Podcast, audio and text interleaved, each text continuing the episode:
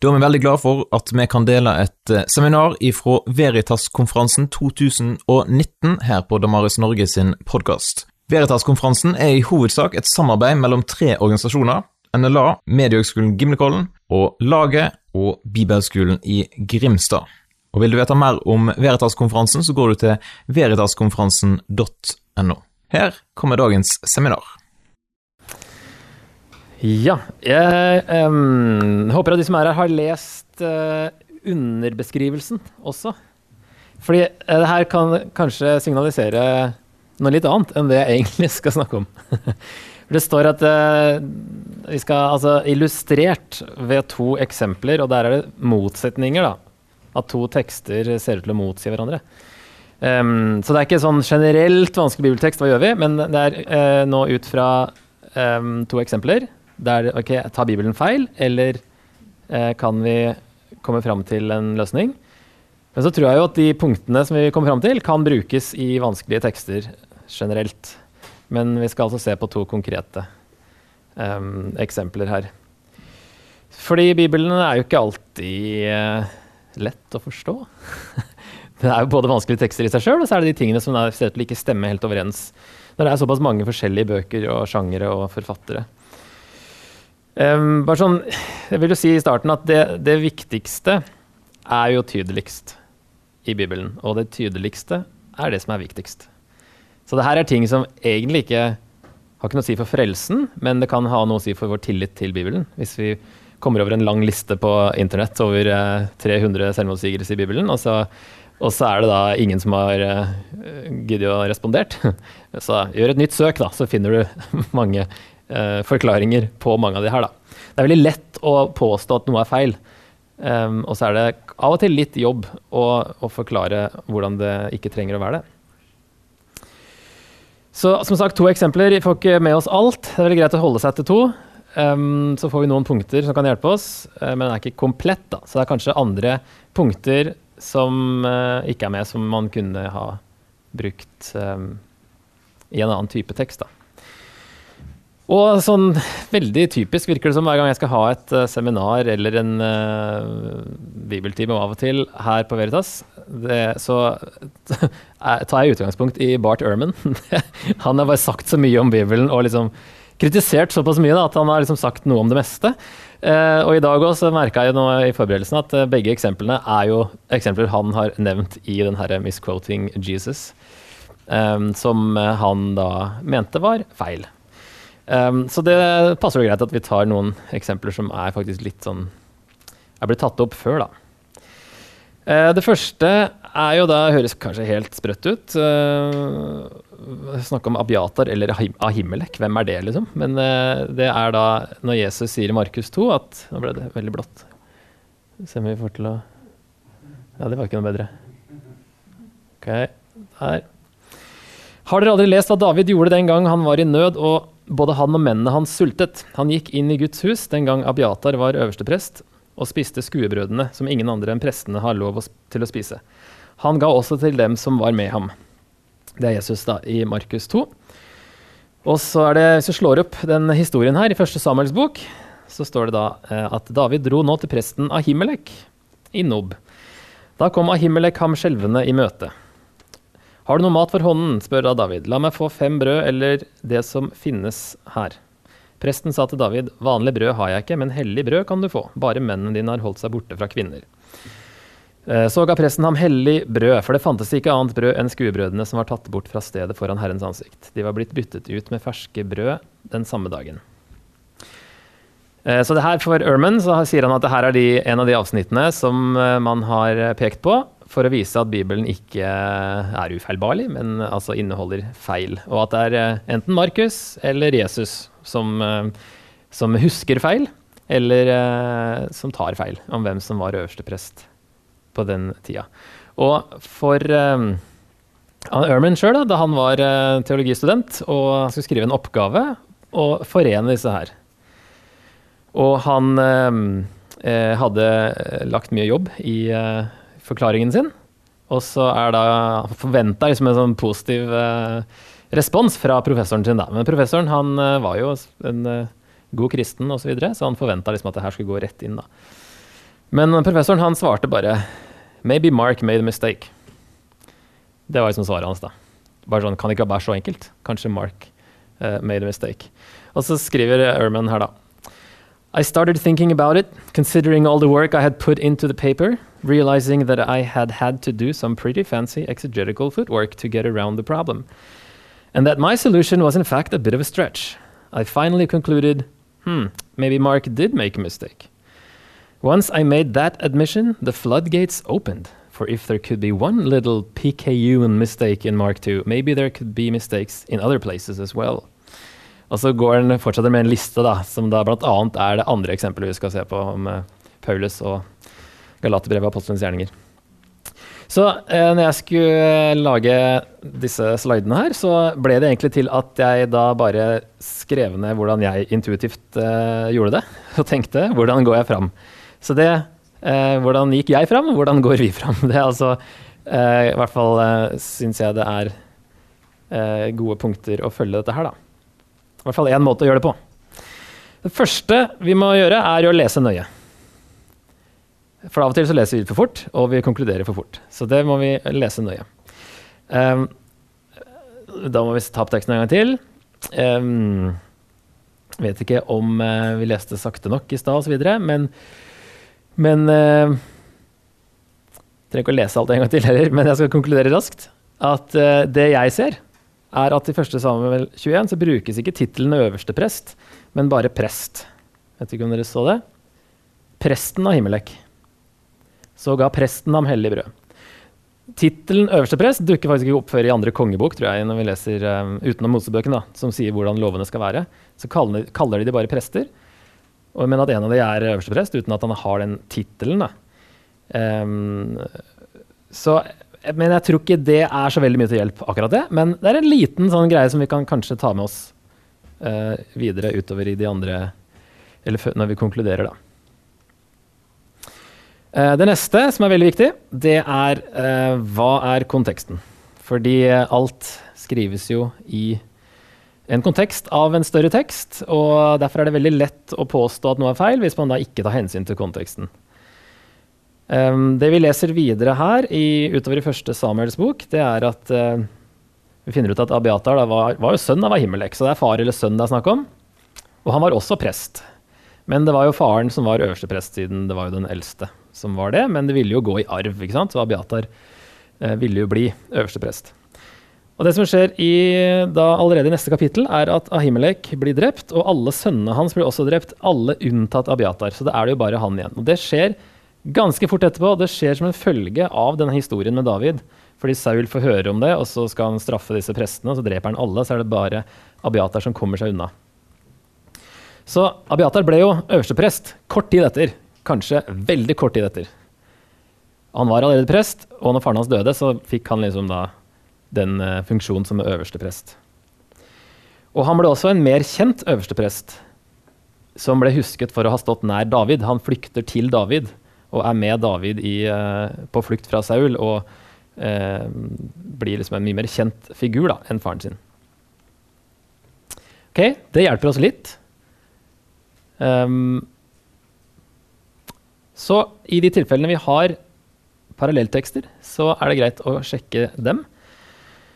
Hvis vi sjekker Matteus, da, hva, han, hva, Jesus sier der, står det han gikk inn i Guds hus, og de spiste skuebrødene, som verken han eller mennene hans hadde lov til å spise, men bare prestene. Der nevnes jo ingen øverste prest. Lukas 4, han gikk inn i Guds hus, tok skuebrødene, spiste og ga dem til dem som fulgte ham, enda det bare er prestene som har lov til å spise dem. Heller ingen øverste prest nevnt. Hva sier dette oss? Utelates det fordi det er feil, eller kunne bli oppfattet som en feil?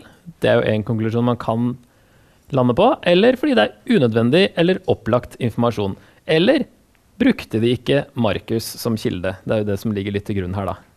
At de har brukt Markus som kilde, men tenkt at oi, enten tar Markus feil her, eller det her kan folk misforstå fordi det er kanskje ikke helt nøyaktig. Eh, og så har de utelatt det. Vi vet egentlig ikke hva de tenkte.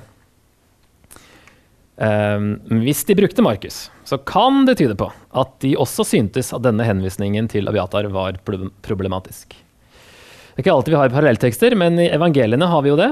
Det kan hjelpe oss veldig. Og så har vi jo noen paralleller mellom Samuelsbøker og kongebøker, krønikebøker og sånt i en viss grad. Og så er det noe, noen historier som dukker opp i f.eks. Jesaja og eh, kongebøkene og krønikebøkene.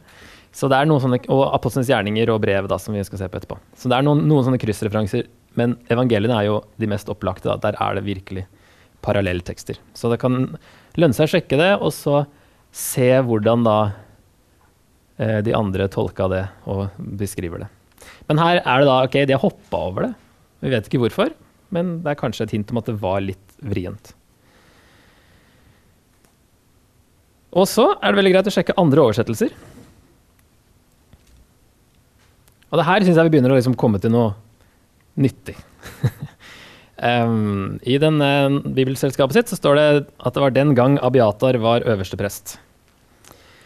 Uh, 1988-oversettelsen har da Abiatar var ypperste prest. Det er det samme. Eh, fun fact, eh, øverste prest på gresk heter jo megaprest. Det er litt kult.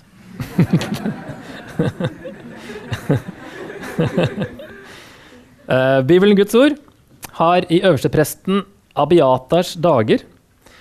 Og se på engelske. ESV, in the time of Abiathar, kanskje, the high priest. Og in the days of Abiathar, the high priest, i NIV. Sier dette oss noe? Er det noen som syns at det sier oss noe? Mm? Til at, at Abiatar var høyeste er kanskje mer for å tidkaste det enn å være nøyaktig på at det var akkurat da han var det. Mm -hmm. Ja. Fordi er det forskjell på den gang Abiatar var øversteprest, og i øverstepresten Abiatars dager? Gå på litt det du sier. At det går på å tidfeste perioden fremfor at det er da han var øversteprest, dette er snakk om, men det er i hans dager som han som er kjent øversteprest, eller var en kjent øversteprest. Nå har vi jo en representant fra Bibelselskapet bak her, så nå sier vi å kritisere litt den oversettelsen. Eh, for da, neste skritt, når du ser deg forskjellig,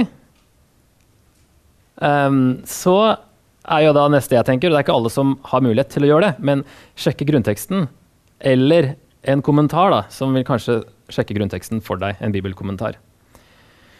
Og Der står det da 'epi abiatar archereos', som er en genitivsform. Eh, epi betyr som regel på, så rent bokstavelig så er det på øverstepresten abiatars. Og så er det tid, som kanskje man tenker. På hans tid. Um, så det er ikke noe sånn i de dager eller på den gang han var prest. Det er veldig kort på gresk på øverstepresten Abiatars tid. Uh, I 1226 i Markus så står det epi to bato på tornebuskens tid. Og der oversettes det i fortellingen om tornebusken. Så det går an å oversette 226 her om, eh, fortel i fortellingen om øverstepresten Abiatar. Siden de har gjort det med samme form, samme grammatiske form da, i 1226, snakker om henvisning til fortellingen om Abiatar. Ikke den gang han var prest, men til fortellingen om han. Og det støttes av at uh, epi 18 av 21 ganger i Markus brukes om sted framfor tid. og Da tenker man sted som i en tekst framfor tidsperioden. Interessant nok så var det det her Erman hadde konkludert med i oppgaven sin. At uh, Markus, eller Jesus, refererer til fortellingen der Abiatar er en av hovedpersonene. Og Så får han denne kommentaren, 'Maybe Mark just made a mistake', og så tenker han det her var veldig mye jobb for å liksom ikke engang overbevise professoren min. Og så kjente han at den der 'Maybe Mark made a mistake' traff han sånn veldig av en eller annen grunn, og så bare åpna det. Så derfor er kanskje et uh, sjette punkt Legg godviljen til, og la tvilen komme forfatteren til gode. Det tror jeg vi må ha en innstilling om at vi har i utgangspunktet en liten tiltro til at de vet hva de skriver om. De har peiling på Gammeltestamentet mye mer enn det vi hadde. Um, og at det ikke um, Hvis man er kritisk, så vil jo ingenting overbevise den, den, eh, den, konklusjonen som vi nå har kommet til, eller som jeg kan summere opp på neste nå, vil jo ikke overbevise Bart Ehrman, f.eks. Um, men jeg syns den er uh, Jeg kjøper den lett, egentlig, ut fra når vi så på gresken også. Uh, I tillegg, da, for å legge til Nå, nå har dere fått fem-seks punkter nå. Også i tillegg, som vi ikke har kommet inn på direkte, er jo da at historisk bakgrunn er et punkt som uh, kan være veldig nyttig å sjekke. F.eks. når Paulus sier noe rart nå. Hva, hvorfor sier han det? Hva er historisk bakgrunn for dette temaet eller den menigheten? Og så er det også eh, De skriver jo i noen sjangere som er litt ukjente for oss. Selv evangeliene er jo en sånn oldtidsbiografi der man eh, kan gjøre noen grep og vendinger, og ser vi litt i neste eksempel, kanskje, der man eh, hopper over ja, Man kan liksom kutte ut ting da, uten å, at det blir et gap i teksten. Man syr det sammen på en veldig fin måte, som, eh, som for den gang var veldig bra litterær grep å gjøre det på den måten, mens for oss virker det litt sånn småuærlig. At man kutter ut en mellomperson, f.eks eh, en som kommer med et budskap til en annen, så tar man og skriver i evangeliene av og til at det var han som snakka med Jesus. Mens i andre evangeliene så har han sendt noen tjenere som snakka med Jesus. Og de der møttes egentlig aldri. Men en av evangelistene legger det fram som at det var de som snakka sammen, fordi han snakka på en måte gjennom tjenerne sine. Så sånne ting er òg med. Så sjanger og litterære regler er også et punkt som vi egentlig ikke kommer sånn veldig inn på. Kanskje litt etterpå. Eh, så har vi sett på språk, da. At, uh, hvordan gresken er forskjellig fra norsk. Så min, min uh, oppsummering her, Abiatar eller Ahimelek David gikk inn i tempelet på Abiatars tid, som like etter ble en mer kjent øversteprest enn sin far. Derfor naturlig å bruke ham som referansepunkt, selv før han ble oh ja, øversteprest. Der står det. Dette skjedde altså på Aviatars tid, selv om det ikke skjedde mens han var øversteprest. Og et eksempel fra norsk historie er, vil være en setning sånn som den her. Da kong Olav var ung, var han en aktiv skihopper. Han var jo ikke konge da han var skihopper. Det var før han ble konge. Sant? Det var en kronprins. Det, altså jeg hadde ikke reagert på den setningen der. Selv om det teknisk ville vært da kronprins Olav var ung. Men uh, jeg ville i hvert fall ikke hatt noe stort problem med det. Og, og syns at den løsningen her er eh, altså Teknisk sett, ja, det var Ahimelek som var øverste prest, men kort tid etter så ble Abiatar øverste prest, og han var også en mer kjent øverste prest, og det refererer til tids, enten tidsperioden eller til fortellingen der eh, han er en av hovedpersonene. Det var første eksempel. Skal vi ta kjøre på, eller er det noen som har uh, en liten kommentar eller spørsmål? Ja? Tenk på det bildet der. Ja. Veldig bra. Ja, der har jeg bare glemt å sette inn et bilde. Så det skjønner jeg at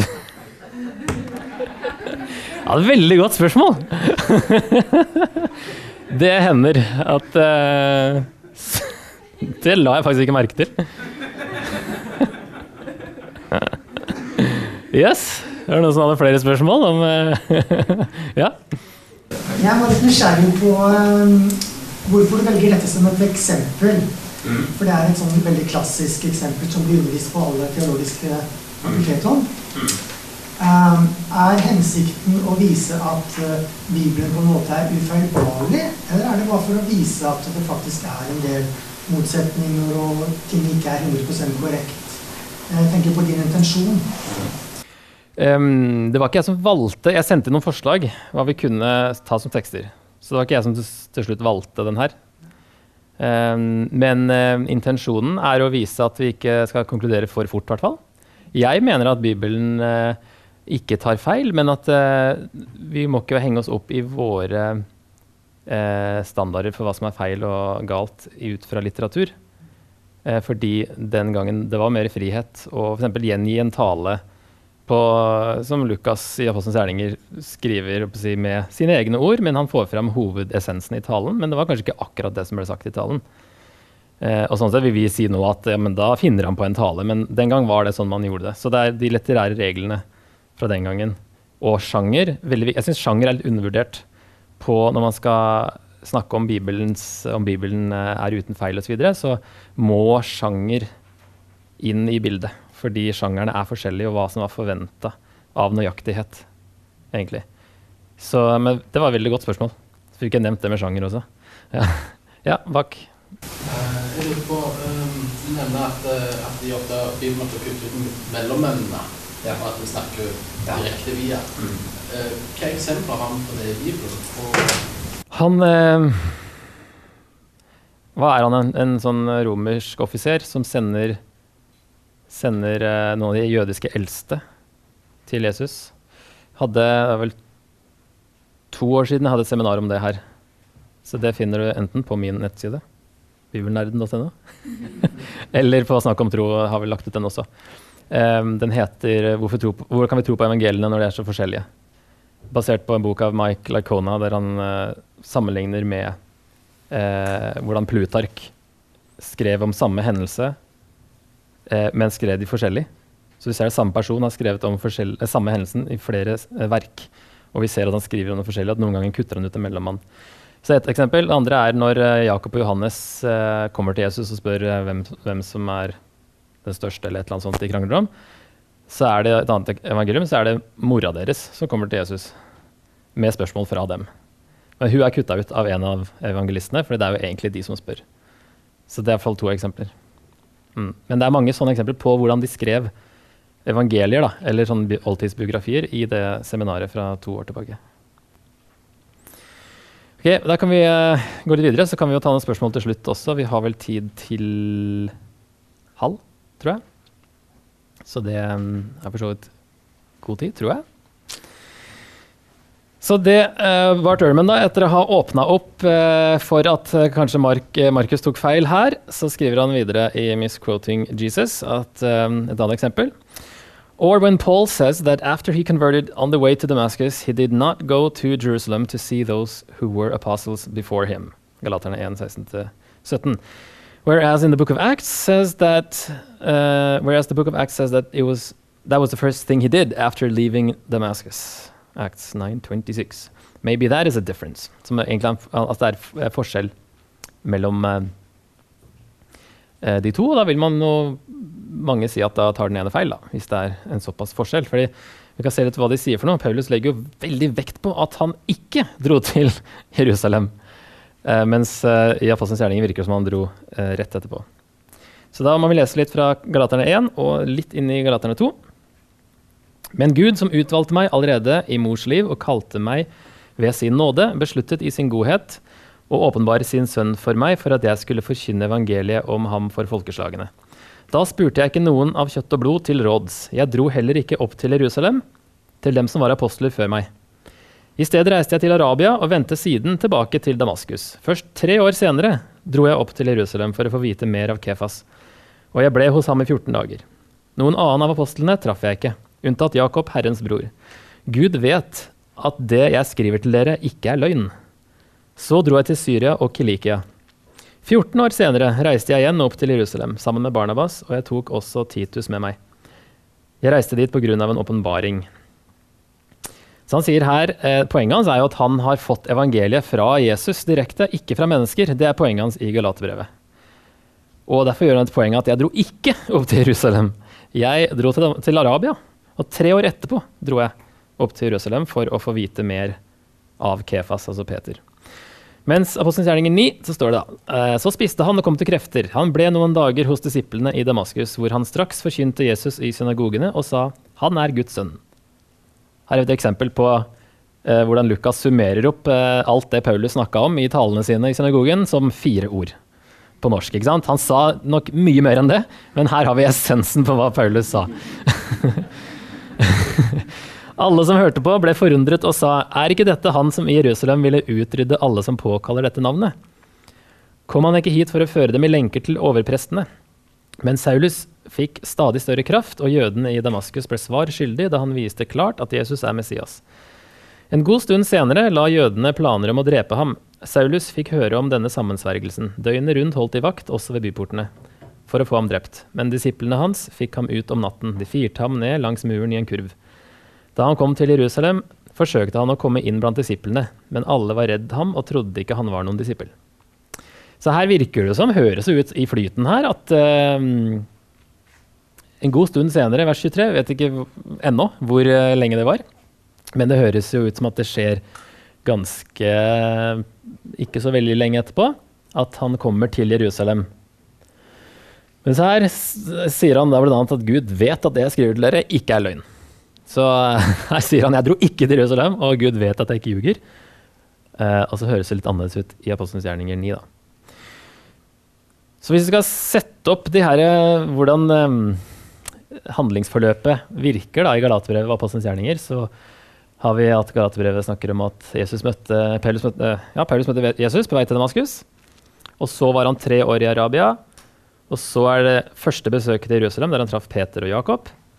Så dro han til Syria og Kilikia. Og så er det det andre besøket til Jerusalem, som er det som vi så vidt begynte på i kapittel to. Og så kommer Peter til Antiokia i eh, senere kapittel to. Det er da de har den konfrontasjonen med Paulus og Peter der uh, Paulus må uh, irettesette Peter for at han trekker seg unna når jødene kom, så spiser han bare med, med Det kom noen jøder fra Jerusalem, og da spiser han ikke lenger med hedningene, og han trekker seg unna. Og Det mener Paulus er feil, så de har en krasj der. Uh, I Apostelens gjerninger så er det da at uh, møtte Jesus på vei til Damaskus. Så er det et besøk til Jerusalem der han traff apostlene. Så dro han til Cesarea og Tarsos. Så er det andre besøk til Jerusalem, i kapittel 11. Så dro han tilbake til Antiokia, som var hjemmebasen. Så er det første misjonsreise, og så er det tredje besøk til Jerusalem, som er apostelmøte i kapittel 15. Uh, så hvis vi setter opp det her og prøver å få det til å line opp, så er det jo vanlig Eller den første er grei, da. At uh, møtte Jesus på vei til Damaskus. Det er nok samme hendelse. Uh, og så er det vanlig å koble det konfrontasjonen med Peter i kapittel 2 her uh, koble det til at det er apostelmøtet, kapittel 15 i Apostlenes gjerninger. Men da blir det feil med antall besøk, da. Um, da blir jo da det første besøket Her blir det andre besøket i Apostlenes gjerninger. Og så får vi et par spørsmål. Det ene er jo da Hvis det her Hvis, hvis de her på kapittel, det apostelmøtet kapittel 15 Husker dere hva de ble enige om der? Ja. Hedningene trenger ikke å bli omskjært og holde Moseloven. De kan bli frelst ved tro uten noe mer, men så har de fire punkter som det er lurt at de holder seg unna pga. jødemisjonen. håper jeg. Uh, så her blir de enige, og, Peter er jo framme og sier at uh, han er jo helt enig i det. Um, og hvis det her skjer etterpå, da, at Paulus må liksom irettesette Peter for han ikke følger det han har vært med på å bestemme, så får vi kanskje et spørsmål da med hva i all verden går det av Peter? Um, det er litt mer forståelig hvis det skjer før møtet, som vi kan se at det kanskje heller gjør. Uh, det er fortsatt litt sånn 'hva er det du driver med, Peter?' Men det er enda verre om man gjør det etter apostlenes gjerninger 15. Uh, det, er, det, er, mulig, men det er, liksom, det er et spørsmål, i hvert fall. Og så er det jo her med tre år i Arabia som virker som mangler i apostlenes gjerninger. Og Paulus sier da at uh, 'jeg vitner for Gud at jeg ikke ljuger'. Det må vi jo ta litt på alvor. Um, så uh, hvis vi um, omrokerer litt på ting Det første korresponderer fortsatt. Håper ikke det begynte å tegne opp, og sånn, for nå har jeg flytta på ting to ganger. um, og at det første besøket til Jerusalem, der han traff Peter og Jakob, er det første besøket til Jerusalem i Apostelens gjerninger, der det står at han traff apostlene, og at da kanskje Peter og Jakob Eh, representerer apostlene, selv om Jakob Dette er jo nok Jakob, eh, Jesu bror, som technically ikke var en apostel, men han kalles en apostel i kirkehistorien senere. Um, og han kalles en, en, apostel, virker det som, i første Korinterbrev 15, men han var ikke en av de tolv. Men det var jo flere enn de tolv som var apostler. Men at kanskje i hvert fall Peter eh, vil være typisk representant for apostelen, da. Um, så står det at han dro til Syria og Kilikia. Eh, hvis vi kobler det til Cesarea og Tarsos, um, så ligger Tarsos ligger i Kilikia. Nå må jeg dobbeltsjekke det. Det skulle jeg dobbeltsjekke, så jeg glemte det. Uh, det står ikke Kilikia, hvor Kilikia er. Jeg mener at det Ja, det ser ut til å stemme på kartet her, ja. Tarsos ligger i Kilikia. Så når han sier Syria og Kilikia, um, så kan det være at han oppholdt seg da, i de områdene i den perioden etter det første besøket. Um, Antiokia, som var eh, hovedbasen hans, eh, den lå jo i Syria.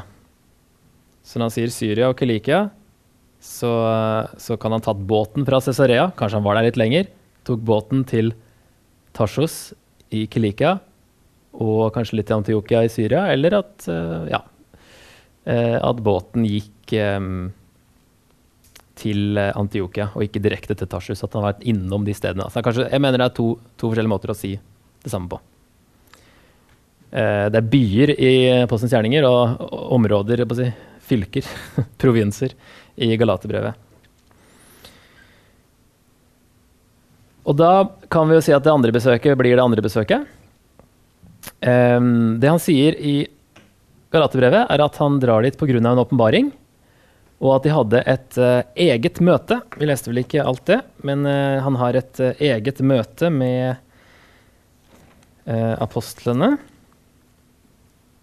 Ja, det er neste setning der jeg kutta. I et, I et eget møte med de mest ansette la jeg fram det evangeliet jeg forkynner blant folkeslagene, for jeg vil ikke løpe eller ha løpt forgjeves. Og så sier de til slutt at eh, de tok hverandre i hånden. Eh, skal vi se. Da Jakob, Kefas og Johannes, de som blir regnet for å være selve søylene, forsto hvilken nåde jeg hadde fått, ga de meg og Barnabas hånden som tegn på fellesskap. Vi skulle gå til hedningfolkene, de skulle gå til de omskårne. Vi måtte bare huske på de fattige, og nettopp det har jeg lagt vind på å gjøre. Så han sier at han husket de fattige. Uh, og det vil passe med det andre besøket, hvis vi da tenker at den åpenbaringen han snakker om, er denne profetien som Agabus uh, kommer med i Apostelens gjerninger 11, som er grunnen til at menigheten i Antiokia sender ut eh, Paulus og Barnabas. At det er den åpenbaringen han refererer til.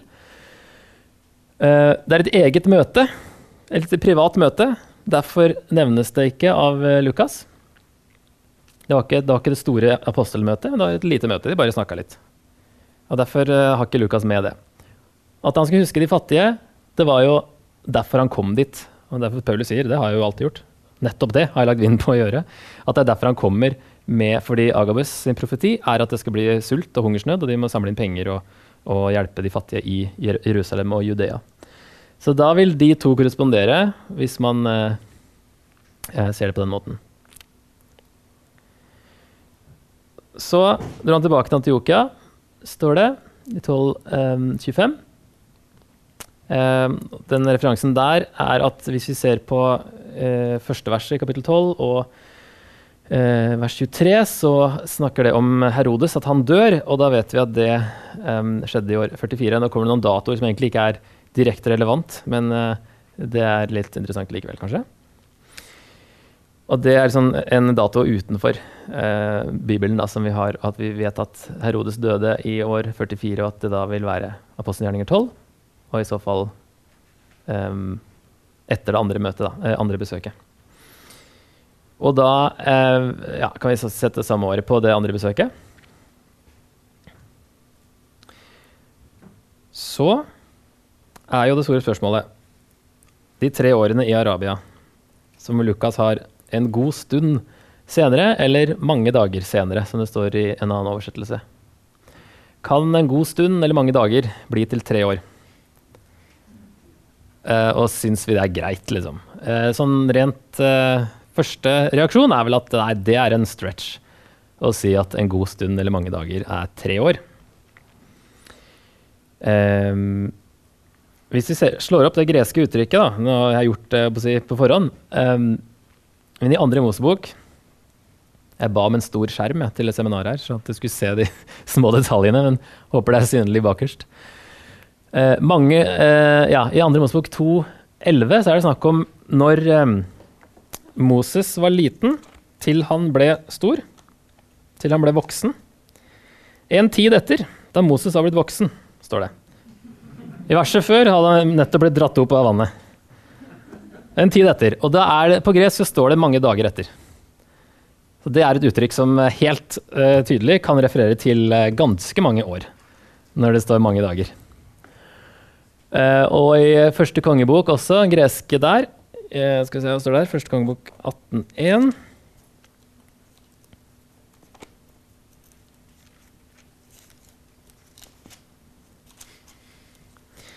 Så gikk det lang tid.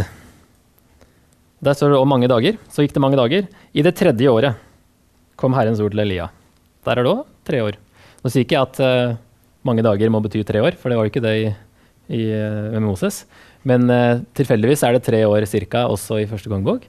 Og så er det også på hebraisk i første kongebok 2, 38 og 39.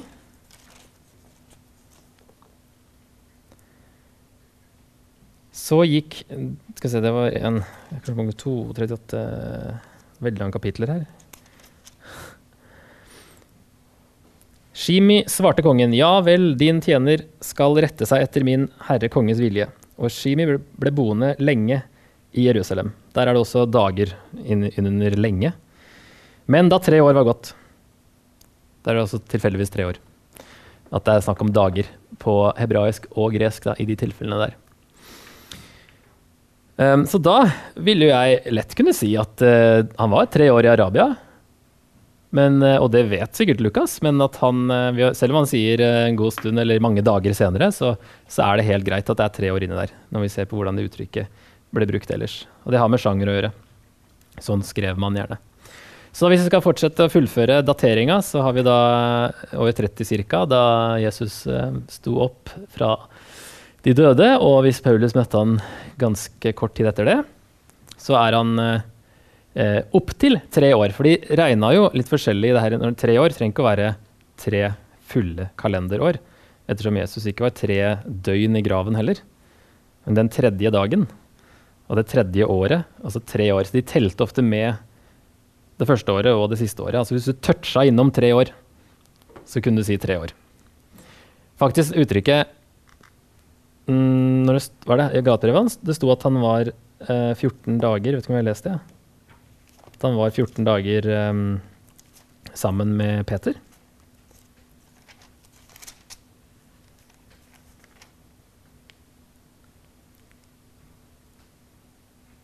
Ja, jo, vi leste 18, ja. Det ble oss, jeg ble oss sammen i 14 dager. Gresken der sier faktisk 15 dager. Så noen oversettelser har 15 dager. Men eh, det var et uttrykk for 14 dager. Regna med en reisedag eller et eller annet. eller at han, at han inkluderte litt, telte litt annerledes da når det gjaldt dager. Så der gikk ikke forvirra om Bibelen din sier 15 og jeg leste 14. Det er ikke en feil, men det er som om 15 eh, betyr 14. Så eh, hvis vi sier da år 32 var dette første besøket til Jerusalem, der han besøkte Peter for å høre mer om hvordan det hadde vært å være med Jesus på jorda. Og så dro han da til eh, Syria, Kilikia og Cesarea og Tarsos etter det. Og så er det et hopp. Så han sier jo 14 år senere, sier han. Det trenger jo ikke bety 14 år etter det første besøket, men det kan være 14 år etter omvendelsen, det også. Omvendelsen er utgangspunktet. Tre år etter det dro jeg til Jerusalem, og så 14 år senere, fra startpunkt, dro jeg igjen. Da stemmer det i hvert fall da med år 44. Og så, hvis Peter kommer til Antiokia år 45, eh, og de har en, den konfrontasjonen der, så eh, passer det jo med vanlig datering for misjonsreisen, første misjonsreisen til Paulus, 46 til 48. Og så vet vi også at det tredje besøket det var i år 49. Og da konkluderer jeg, for de som er interessert i det, at Paulus skriver Galaterbrevet i år 48. Som visstnok er en sånn minoritetskonklusjon, eh, men eh, i noen studiebibler så står det at eh, dato er 48 eller 52 for Galatbrevet, så jeg vil eh, si at dette er Paulus sitt første brev, faktisk. Også pga. Eh, hvordan det blir til slutt her. Så håper det var forståelig den biten her. Litt jobb og må sjekke opp et gresk uttrykk, og sånne ting, men finner ut at det er ikke noe problem. Uh, og det her, hvis det forstås som uh, det der borte, den boksen her, så syns jeg det her gir veldig mening. Um, så jeg tenkte å avslutte med et sitat før vi kan ta noen spørsmål. Sitatet er Augustin, som uh, sa at hvis vi blir forvirret av en tilsynelatende motsetning i Skriften, er det ikke lov å si forfatteren av denne boken tar feil. Enten er det en feil i manuskriptet, eller så er oversettelsen feil, eller så har du ikke forstått det. Jeg syns det er en god huskeregel, og i hvert fall ikke konkludere for fort. Eh, men eh, la tvilen komme forfatteren til gode, og legg godviljen til. Det her er jo det er ikke noe nytt at man har funnet sånne ting i teksten. Her er jo fra 300-tallet. Man har holdt på det i hele kirkens historie med å um, bale litt da, med litt problematiske tekster. Så det er mange å spille på. Hvis man vil finne ut av ting, så er det blitt behandla av ganske mange før oss, da, før Bart Ehrman. Er ikke, han er ikke den første som oppdager sånne ting. Ok, Er det noen som har noen spørsmål kommentarer? Og, ja? Takk for at du lytter gjennom dette seminaret her. Og Skulle du ønske at flere fikk med seg det gode innholdet, ja, da kan du jo faktisk dele seminaret med noen, eller tipse dem om seminaret i sosiale medier. Vi setter jo veldig stor pris på om du har lyst til å skrive en anmeldelse av Damaris Norge sin podkast på de ulike podkastplattformene. Da hjelper det oss å løfte podkasten opp, sånn at flere får nytte av den. Jeg vil også nevne at eh, du kan ha mulighet for å kjøpe diverse bøker via nettsida snakkomtro.no, der flere av de som eh, var med på Veritas-konferansen, har sine bøker tilgjengelig der. Så sjekk ut Snakk om tro, og kjøp gjerne ei bok eller to.